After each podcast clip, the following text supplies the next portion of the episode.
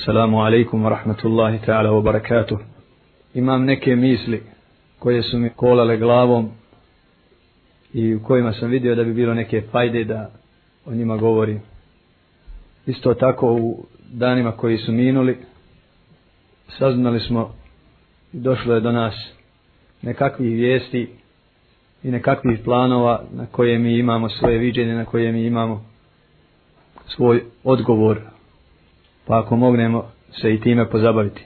Prvo, ovaj bratski mu'minski skup želio bi podstaći na važan moment kod ljudi, pogotovo kod sredbenika islama, muslimana, a to je da uče sa pravoga mjesta. Muslimanima je obaveza da uče. U tome se skoro svak slaže osim oni koji zagovaraju džehl kao put do približavanja Allahu Đelešanu, a to su neke grupacije u islamu, međutim i kada oni zagovaraju džehl, opet moraju naučiti nešto od onih koji ih uče takvom odnosu prema islamu.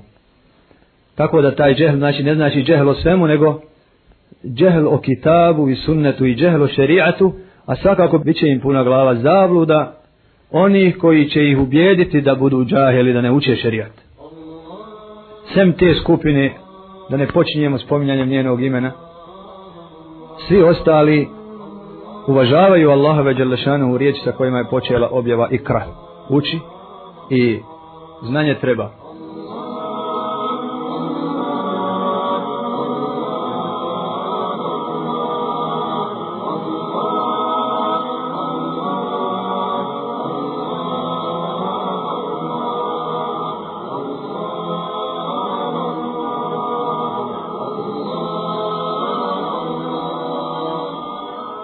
Mi ćemo govoriti sada samo o šerijatskom znanju. O znanju kog je Allah Đelešanuhu iz svoga znanja za provjeru čovjeka stvorenja najodabranijeg ponudio i objavio. To je to znanje. Allah Đalešanuhu mogao je stvoriti stvorenja drugačija od čovjeka i čovjeka drugačijeg da bi stvorio odnosno da bi proizveo i dostigao ono što je dostigao ovaj čovjek u 21. vijeku. Međutim, kada je Allah Đelešanu odabirao za čovjeka znanje od sebe, htjeo je da iskuša čovjeka. Htjeo je da u tome bude prihvatanje vjere u Allaha ili ne. Zatim, ako je prihvati, da je potvrdi pokoravanjem određenim Allahovim Đelešanu naradama i zabranama. A ovo drugo znanje koje čovjeku treba da bi se brzo kretao, da bi udobno živio i tako dalje, time se Allah Đelešanuhu puno nije u objavi pozabavio nego ga nije zabranio, međutim, sa onim moralom, sa onim ahlakom, sa onim moralnim načelima koje je Allah Želešanuhu poučio ljude i koje je dao svome poslaniku da pouči ljude, svakako svaka tehnika i tehnologija treba da bude mjerena. I ako se nešto kosi sa time, ako nešto štetno po čovjeka, ako nešto štetno po okolinu, ako nešto ugrožava ljudsku budućnost, Islam je zbog toga brani. Međutim, oni koji nisu imali to znanje, prekoračili su te granice i ugrozili sebe i sve ostale ljude. Ovo je samo uvod. Hoću da kažem da muslimani koji hoće da vjeruju u Allaha Đalešanu, zato što im život bez vjere biva prazan i pust, mogu naučiti sa više mjesta kako u Allaha vjerovat. Ali samo na jednom mjestu mogu naučiti ispravno vjerovanje. Također poslije vjerovanja u Allaha Đalešanu, pokoravati se Allahu i poštivati njegove propise, odnosno šta su to sve njegovi propisi, može naučiti sa više mjesta, ali tačno i ispravno da potrepi i pogodi Allahovu volju samo na jednom jedinom mjestu. Mislim da je to najvažnije pitanje ili prvo pitanje koje se treba postaviti pred muslimane. Jer ako na početku promaše put, neće ih pogrešan put odvesti na pravo mjesto.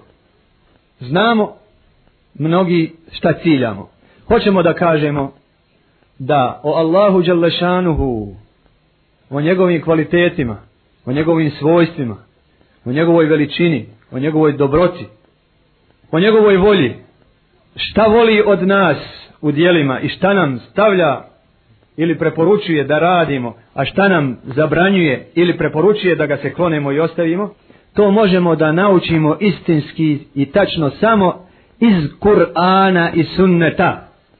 Ako to znaju muslimani, ako to znaju naraštaje današnji koji stasavaju, ako to znaju muslimani u cijelini na dobrom su putu. Zamjena za taj nauk i zamjena za taj put je mnogo. Nama se ljudi penju na mimbere pa spominju Kanta i Aristotela. Međutim, može se on spomenuti da se pozabavimo na koji način i kada se može spomenuti neko drugi sem kitaba i sunneta u vjeri. Mi znamo odlično da džamije nisu nikle naukom i davom Aristotela i Platona ili drugih filozofa. Nigdje neko ko slijedi Aristotela i njegovu misao nije napravio džamiju i kazao horite u džamiju i onda u džamiji poučavao njihovim mislima. Nego džamija zna se nastala je od Muhammeda sallallahu alaihi wasallam i njegovog nauka. Prema tome, u džamiji treba da se prenose riječi Muhammeda sallallahu alaihi wasallam poslije riječi ili sa riječima Allaha tabaraka wa ta'ala sa Kur'anom. Ako njih nema šta god drugo govorili, prazno govorimo. I tom skupu džamijskom, tom skupu muminskom, ništa ne nudimo. Zašto moramo kazivati Kur'an i sunnet? Zato što je u njima svjetlo, uputa, istina. Zato što je u njima dovoljno, što je u njima podstrek i upozorenje. I drugo što mi nije na umu da napomenem. Pa sve drugo, kada ljude pogotovo učimo vjeri, sve drugo što ne bi spomenuli, ne bismo ništa od vjere umanjili, ne bismo ljude zakinuli. A da li pored Kur'ana i sunneta spominjati još nešto drugo je pitanje? Kao zamjenu za kitab i sunnet nikako. Kao mjerilo jednako kitabu i sunnetu nikako. Tek ako hoćemo da nekome kažemo da kitab i sunnet potvrđuje i nauka, potvrđuju i izrasli umovi ljudski. Kad u tom kontekstu spomenemo Aristotela ili Kanta, tada da i nismo ispomenuli stvar bi za mumine bila ista. I ko, koga ovdje potvrđuje? Da li Kur'an i sunnet daju tezkiju određenom čovjeku da je ispravno mislio i da mu nije um bio uzalud? Ili određeni čovjek daje tezkiju i diže kitab i sunnet? Daje im autoritativnost. Jasno je da je to kitab i sunnet. Da su oni mizan. Zato neka nauči musliman da ako nije čuo Kur'an i sunnet, ako nije čitao u knjizi ili ako knjiga ne sadrži kitab i sunnet, da mu ne vrijedi šta je čuo drugo, jer nije nikakva garancija. Ljudski um može lutati, može biti sputan, može nedokučiti, može pogrešno rezonovati. Mora nešto što je apsolutno tačno da ga potvrdi ili da ga prešuti ili da ga osudi. Ako ga je osudilo, onda ga držimo za neispravno. Ako ga je potvrdilo za ispravno, ako ga je kitab i sunnet prečutio, onda smo mi u rezervi. Ne znamo je li to istina ili nije. To je prvo što moramo znati. I to je prvo čemu moramo ljude poučavati. Kur'anu i sunnetu, cijelini kojoj ništa ne fali, kojoj svako ubacivanje sa strane, svako dodavanje, ako nije u njihovom duhu i kontekstu, šteti i nije dopušteno. I to je ta teška novotarija koju je Islam osudio. To je prva tačka ili moment koji smo htjeli spomenuti.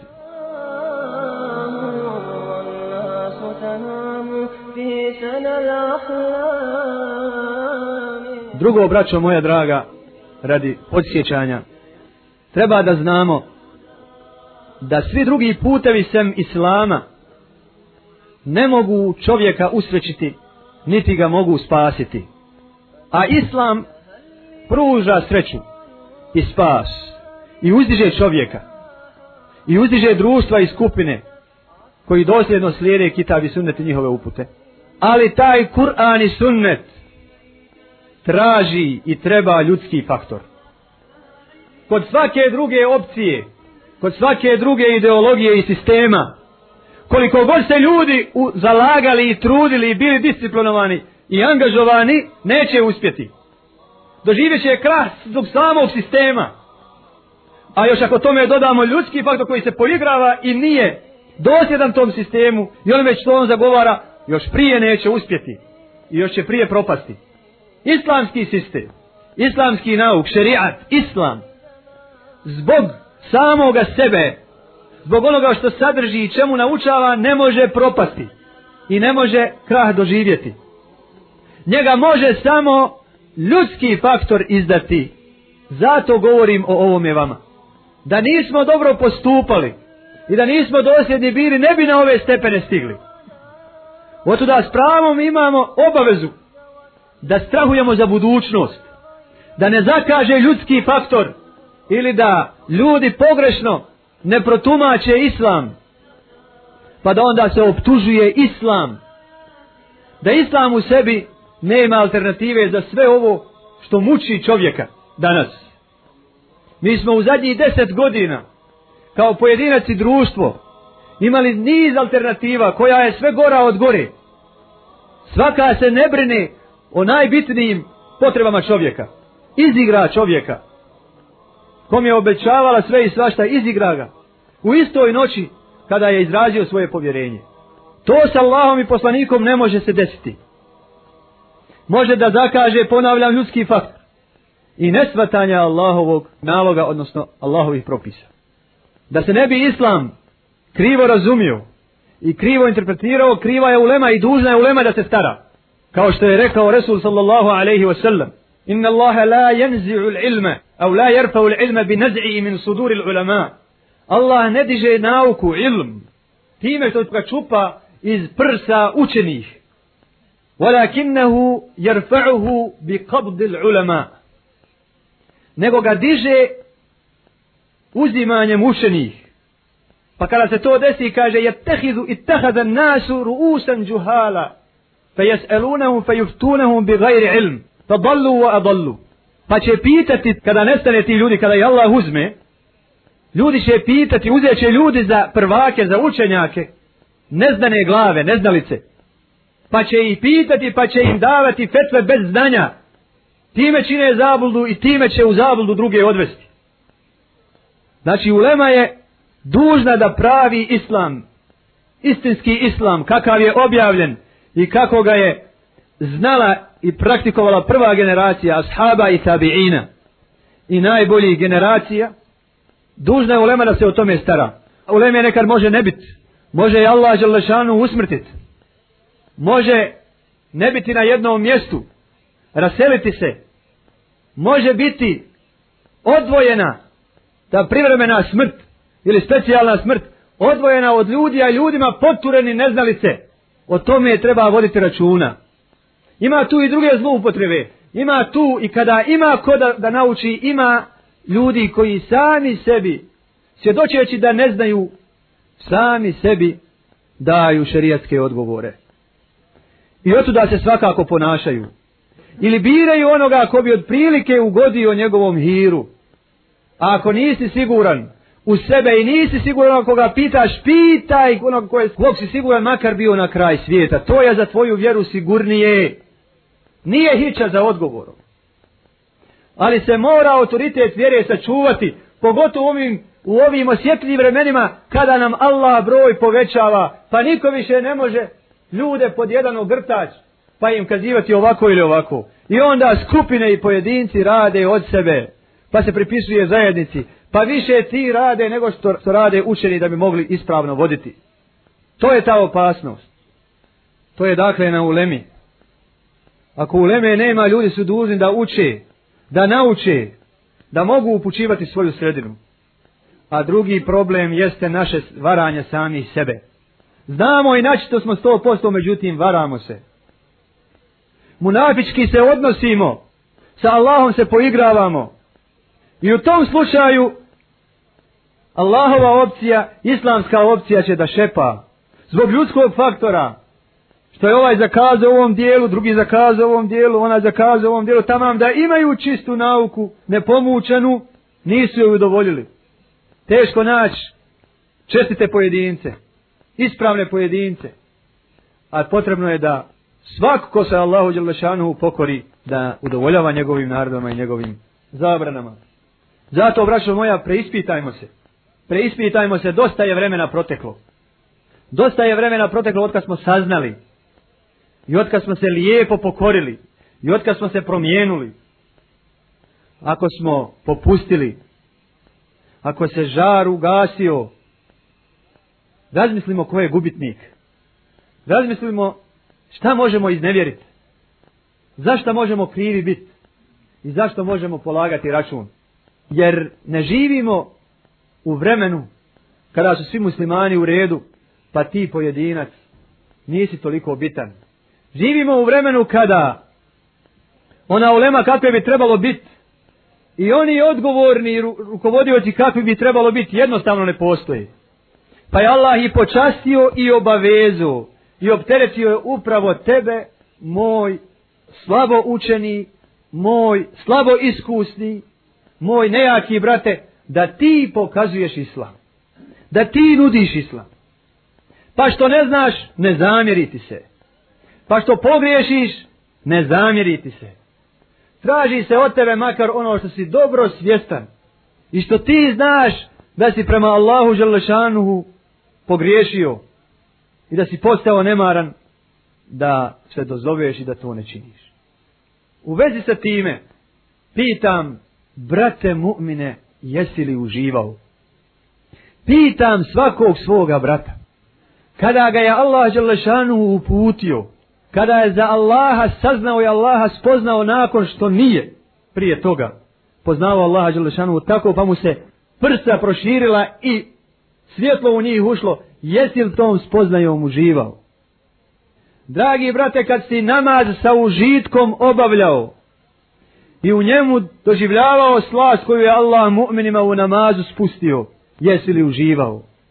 Kad si Allaha spominjao jutrom i večeri i svakom drugom prilikom i bio svjestan da te On čuje i da ti je blizu i da time svoje stepene kod njega povećavaš i svoje grijehe koje si prema njemu načinio brišeš, jesi li uživao? Kada si svoje znanje proširivao i rastajao se sa džehlom kog si od djedova i očeva naslijedio i o svakoj sitnici Allahov propis saznao, jesi li uživao? Je li ti lijepo bilo? Jesi li se preporađao? Je li u tebe novi život ulazio? Zašto sada umireš poslije tako dobrog života? Nije li lijepo nastaviti taj život? Nije li lijepo Allahovom voljom i podrškom još koga oživiti? Nije li obaveza? Nije li velika nagrada? Preispitaj se i ne popuštaj i dalje uživaj jer užitka nema sem u blizini sa Allahom Đalešanu. On je taj koji tvoju dušu usklađuje. On je taj koji razboritost u tvoj um spušta i daje. Samo bereketom tvog lijepog robovanja njemu. Ničim drugim to nećeš moći postići. Svi će svjetovi, svi će narodi, sve će nacije, sve će generacije, sve će grupe i grupacije lutati. I zabludu i za zablude ostavljati.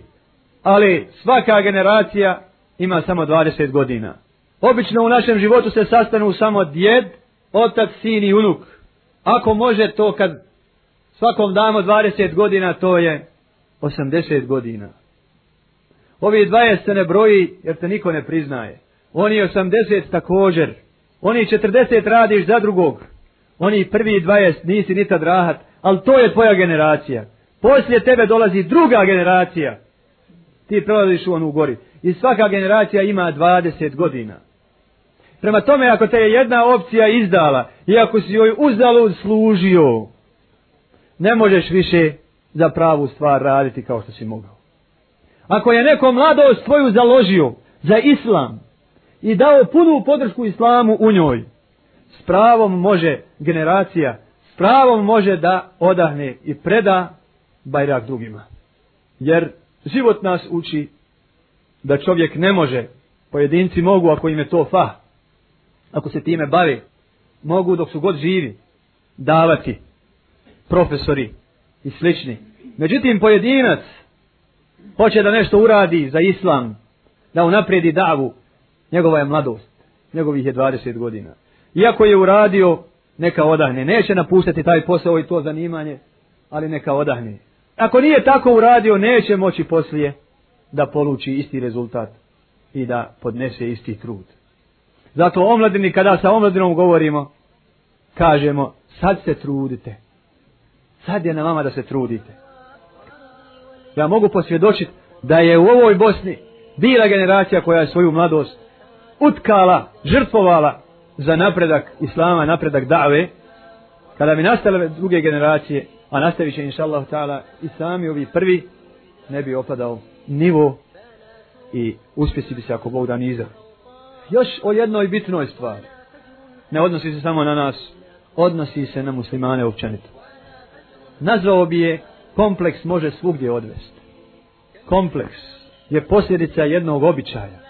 Običaja. Allah Đelešanuhu kaže kada bi ali fir'auna wallazina min qablihim kazzabu bi ayatina.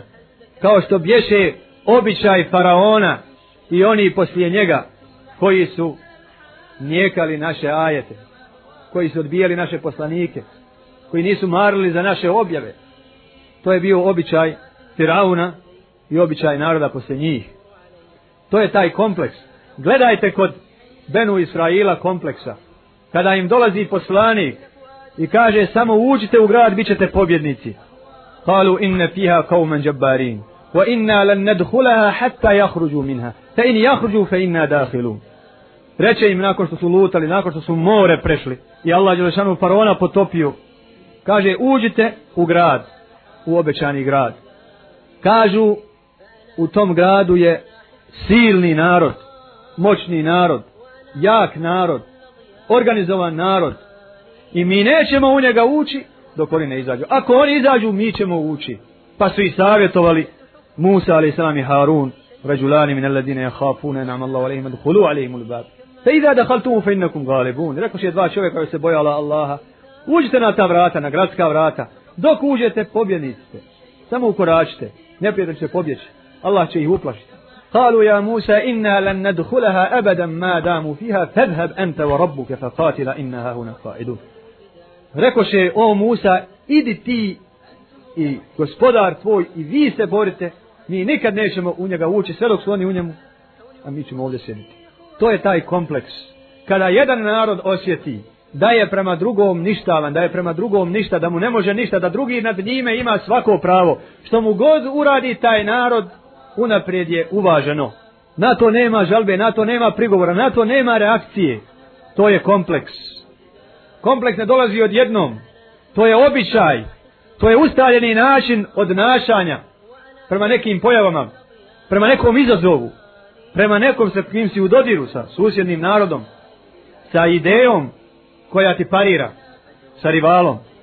Mislim da je kompleks krivac za mnoge naše greške i neuspjehe, za mnoge naše slabosti i za naše stanje. Kompleks može svugdje odvesti. U kufr, u grijeh prema Allahu, pođimo slikama. Zbog čega naša sestra koja obavlja pet vaktova i ubjeđena je da je hijab obaveza, zbog čega ne nosi hijab? Kompleks. Zbog čega naši studenti koji studiraju gdje sigurno moraju naučiti kako musliman, daja, talibul ilm, kako treba da izgleda, zbog čega ne udovolji sunnetu i zbog čega ne bude on prvi koji krči put i predvodi povorku, kompleks.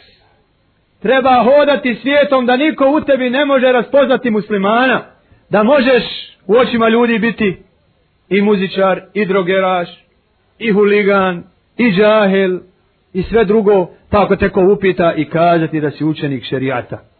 Da ćeš još malo uzeti diplomu da si studirao, završio studije šerijata. I gdje je onda mjesto narodu ako su najizrasliji kompleksirani?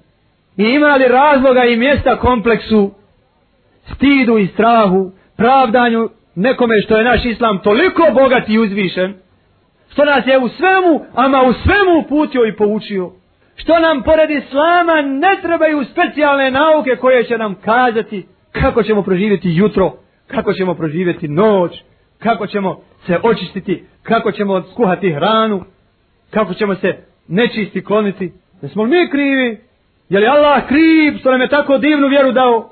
Što nam nije dao starčaru, šuplju kantu, kostur, kao što su druge religije koje mogu biti jednom u herci se otići spoviditi. Je li kriva naša vjera zbog toga što je tako plemenita, što je tako bogata, što nam je na sve odgovori uputu dala? Ne, nije kriva. To joj nije manjak, to joj je kvalitet. To znači da mi muslimani, umjesto pognute glave i zabijanja glave u pjesak i skrivanja lica, treba da dignemo čelo. Da svak u nama prepozna muslimana. Da svijet nauči, ne svijet oko nas, nego svijet, planeta, da je musliman takav. I da odavno ga se ne tičeš tako misli i mora će misliti lijepo ako bude takav. Prepoznavati se, biti nešto posebno, imati svoje, to je uvijek bilo za pohvalu. I lijepa osobina, pohvalna osobina. Zato u Americi nećete naći ni namještaja, ni kade da je kao u Evropi. Hoće ljudi da imaju sve posebno, da je to nešto posebno. Sami kreiraju život. Sami na sebe liče. Sami se prezentuju u svijetu. Neovisni su. A Allah mu i poslanik naredio i mnogo šta što je uvjeri naređeno, naređeno da se razlikujemo. Da se prepoznajemo. Kod nas stvari postale obrnute. Pa mnogi naši umislili da je umjeće i uspješnost u brisanju razlika, u brisanju osobina muslimana da se ne vide i pokazivanju sebe u jednoj bezličnosti. To je teška zabluda. Kako se osloboditi tog kompleksa? Jedan od načina je udaren u same temelje našeg vjerovanja. A to je akidatul wala wal bara. Akida ili jedan dio akide, jedna dimenzija da vjernik mora Allaha radi i izgradnje i očuvanja vjere svoje, ne vjere, nego vjerovanja, bez koga namaz neće biti primljen, bez koga je post džaba, da mrzimo, ako ima neko da nam drugog Boga nudi, mrzimo i odbacujemo i odričemo se. Ako ima vjera i nauka koja tome poziva, također je se odričemo. Ako imaju ljudi koji je vjeruju, odričemo se. I to mrzimo, ne možemo smisliti. Mrzili to Allah sve? Mrzili Allah kumire koje su ljudi pored njega postavili da se njima obraćaju i u njiha uzdaju i njima klanjaju? Mrzi. Mrzili onoga ko u takvu vjeru poziva? Mrzi. Mrzi li ljude koji to rade? Mrzi i u džahnem će i baciti. A mora voljeti Allaha, voljeti poslanika, voljeti njegovu vjeru i davu sa kojom je došao alihi salatu wasalam i mora voljeti vjernike, mu'mine. I mora Allaha smatrati uzvišenim veličanstvenim. Poslanika sallallahu alaihi wasallam ponositim. I vjernike snažnim doživljavati. U njima je snaga. Suprotno, njegova je vjera labilna i njegova vjera je pod znakom pitanja. Ako takvu vjeru vjernik nosi u njedrima svojim, ne može imati kompleksa. Kako možeš smatrati visokim čovjeka koji ima Allaha sa drugom Bogu klanja? Jel taj za voljet? Jel taj za poštivat? Jel taj za uzdizat njegov šen? Jel taj za oponašat? Jel taj za uzimat za prisnog prijatelja? Jel taj da u njemu vjeru gajiš? Nije. Ako tebe poziva u nešto takvo, jel da mu se odazoveš? Ili da ga ti spasiš pa kažeš dođi da čuješ šta je prava vjera? Reci ovi kojima je knjiga data, dođite. Da se okupimo oko riječi jedne zajedničke i nama i vama. Da se samo Allahu klanjamo. Da se drugih bogova pored njega klonimo. Ako hoćete bujrum. Ako nećete šta onda?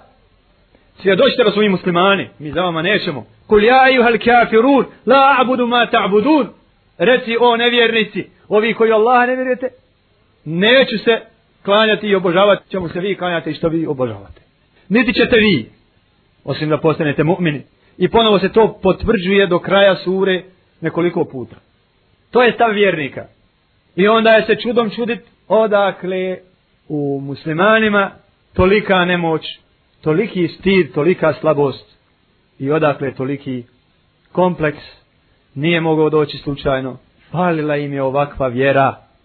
Falila im je ta vjera koja će i naučit da su oni ponosni da oni sa svojom vjerom svakog preteć mogu, da oni sa vjerom svojom mogu biti prvi narod, kao što je kazao uzvišeni, innal izzata lillahi wa li rasulihi wa mu'minin, walakinna al munafiqina la ja'lamun, reci, veličina Ponos i ponositost pripada Allahu, poslaniku i mu'minima, ali munafici ne znaju, a kafiri znaju. Kafiri znaju, zato nastaju svim sredstvima da mu'min ne dođe do tog ponosa. Inače, da ne zna da je u tom ponos pustio bi te, čak bi ti pomogao, hajde u vjeru pa propani. Ne, ne idi u vjeru da me ne pretekneš. Da se ja s tobom poigravam kako hoću. Taj ljudski faktor, braćo draga, vjeri ne fali ništa. Svakoj drugoj vjeri i svakoj drugoj ideologiji fali, našoj vjeri ne fali. Svak se drugi za svoju vjeru bori, ideologiju svoju nosi svim žarom i svom snagom, ali islamu fali ljudski faktor. Pa kažem, oni mogu zdanje napraviti na vjetru i havi, a mi ne možemo na tvrdom granitu zbog ljudskog faktora. Vjera na koju temeljimo svoje zdanje, pojedinac, kada se okrene vjeri, udario je temelje svoje ličnosti na granitu i drugi se sa njim ne može porediti. Svaki drugi će provesti vrijeme i u kocki, i u pijanci, i u bezveznoj zabavi, i u štetnim stvarima, zabranjenim i po zdravom razumu, i po vjeri ako se vjerom može nazvati svakoj. Svaka vjera ako nije cijela, nekakvom ahlaku uči. Ali mu'min to sebi neće moći dozvoliti. Ni jedna porodica ne može se mjeriti sa islamskom porodicu, kuću, ukućane. Ako ih nakalemimo na islam, na taj granit, ne može joj biti ravna ni jedna druga porodica. Bez obzira na kojem znanju ili svjetonazoru temeljila svoju kuću. Tako je i sa kolektivima. Tako je sa narodima. الأنس يوم والأسى أيام السعد حين والشقاء أعوام أرتاح حينا والعنا زمان كيف الحياة في الحشا أنام الأنس يوم والأسى أيام السعد حين Stoga je u vraćanju islamu, pokoravanju Allahu Đalešanuhu, izlazi rješenje i nada za opstanak. Jer je uzvišeni rekao da će ova zemlja, da će Allah ostaviti dobrim robovima. Isto tako je kazao da kraj pripada bogobojaznim. Kada je obećavao nekome stabilnost na zemlji, uvijek je uvjetovao vjerovanjem u njega, obavljanjem namaza, davanjem zekata, naređivanjem dobra i zabranjivanjem zla. Nisu samo ovo obavezne koje Allah Žešanu neke spomenuo, a to znači praktikovanje cijelokupnog islama. Pa ako želimo sebi hajer na dunjaluku i na ahiratu i želimo da budemo jači od onih koji zaista nemaju puta da budu jaki osim kada mi budemo slabi. Naš put do snage je kroz islam. To je istorija pokazala i dalja i bliža to u svom životu vidimo. Šta znači uspavan musliman? To znači onaj musliman koji ide na lomaču, koji ide na klanje, mrtav, pognuti glava. Pogledajte one slike. Redova ljudi idu da ju stočnu hranu prerade. Umjesto da pred Allahom ovako staju zbog obojavnošću i slušanošću i strahom, oni su stali pred neprijateljom. To je kazna onoga ko nije znao da strah od Allaha, koji se stalno bojao neprijatelja. I tim ljudima kada bi ti dao najsilnije oružje, zbog nemoći i poraza u srcu ne bi ga mogli nositi. Pitali bi dajte mi izlaz za Švedsku ili bi tražili neko drugo rješenje. Znači, čas kada će donijeti neprijatelju odluku da nas istrijebe jeste kada budemo uspavani, ne bude li tog časa, neće ako Bog da biti ni te odluke. Zato vraćamo moja na posao. Na posao sami sa sobom. Oplemenimo se islamom. Na posao u svojim kućama. Odgojimo naše ukućane u islamu. I djelujmo i šire djelujmo na sve načine, mudro i savjetom, mudro i savjetom. Allah Želešanu nam je u farz stavio kada nam je kazao ولا أصر إن الإنسان لفي خسر إلا الذين آمنوا وعملوا الصالحات وتواصوا بالحق وتواصوا بالصبر taj vasije, to poručivanje, da non stop poručujemo jedni drugima istinu. Istina je Božja vjera, Božji put. I sabur na njoj, ustrajnost na njoj, odoljevanje na njoj. To je taj nasihat. Na nama je da činimo nasihat svakom Božijem stvorenju. I bratu svome kome malo fali. I bratu svome kojem puno fali. I čovjeku koji nije u islamu kome sve fali. Da mu činimo nasihat. Poslanik sa je rekao ed dinu nasiha. Vjera je savjet. Znači nudi mu vjeru. Kulna li meni ja Rasulullah kale lillahi voli Rasuli. Znači vjera ti je savjet. Kako će se odnositi prema Allahu. Da ga vjeruješ po tevhidu i da samo njemu robuješ.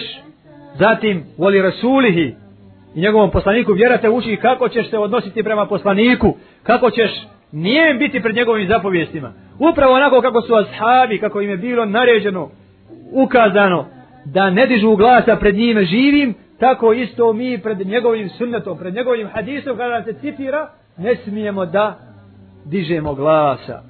Jer to je značilo za života Rasula sallallahu alaihi wa sallam da se brišu djela i izlazi se iz vjere.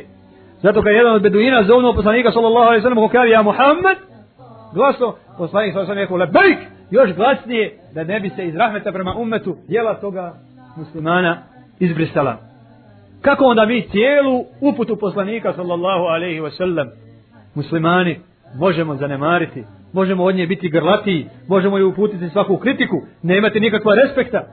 Voli kitabihi prema knjizi Božjoj jer nas uči da knjiga Božja bude za nas izvor poznaje. Voli dinihi prema vjeri. Voli eimetel muslimina u ammetihim. I prema vođama muslimana i prema puku muslimana. Svakom muslimanu. Prema tome, savjet, braćo moje. Savjet. Vidiš, brata, fali po savjetu. Ne ide tvoj savjet. Preporuči onome za koga smatraš da bi njegov savjet polučio uspjeh. Neka ga savjetuje.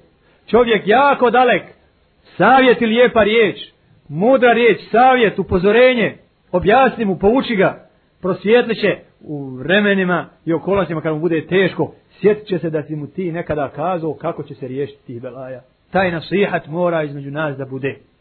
Nasihat, oporučivanje istine, bez obzira o kome se radilo. Radilo se u kući, radilo se u mesčidu, radilo se na poslu, radilo se na ulici, radilo se na putovanju ne neprestano, braćo moja, nego s vremena na vrijeme, kada možeš, kada ima smisla. Ali je izlaz u savjetovanju. I normalno, da savjetujemo, sigurno znamo da je ispravno. I kada odmjerimo, da će zaista to biti ispravan način.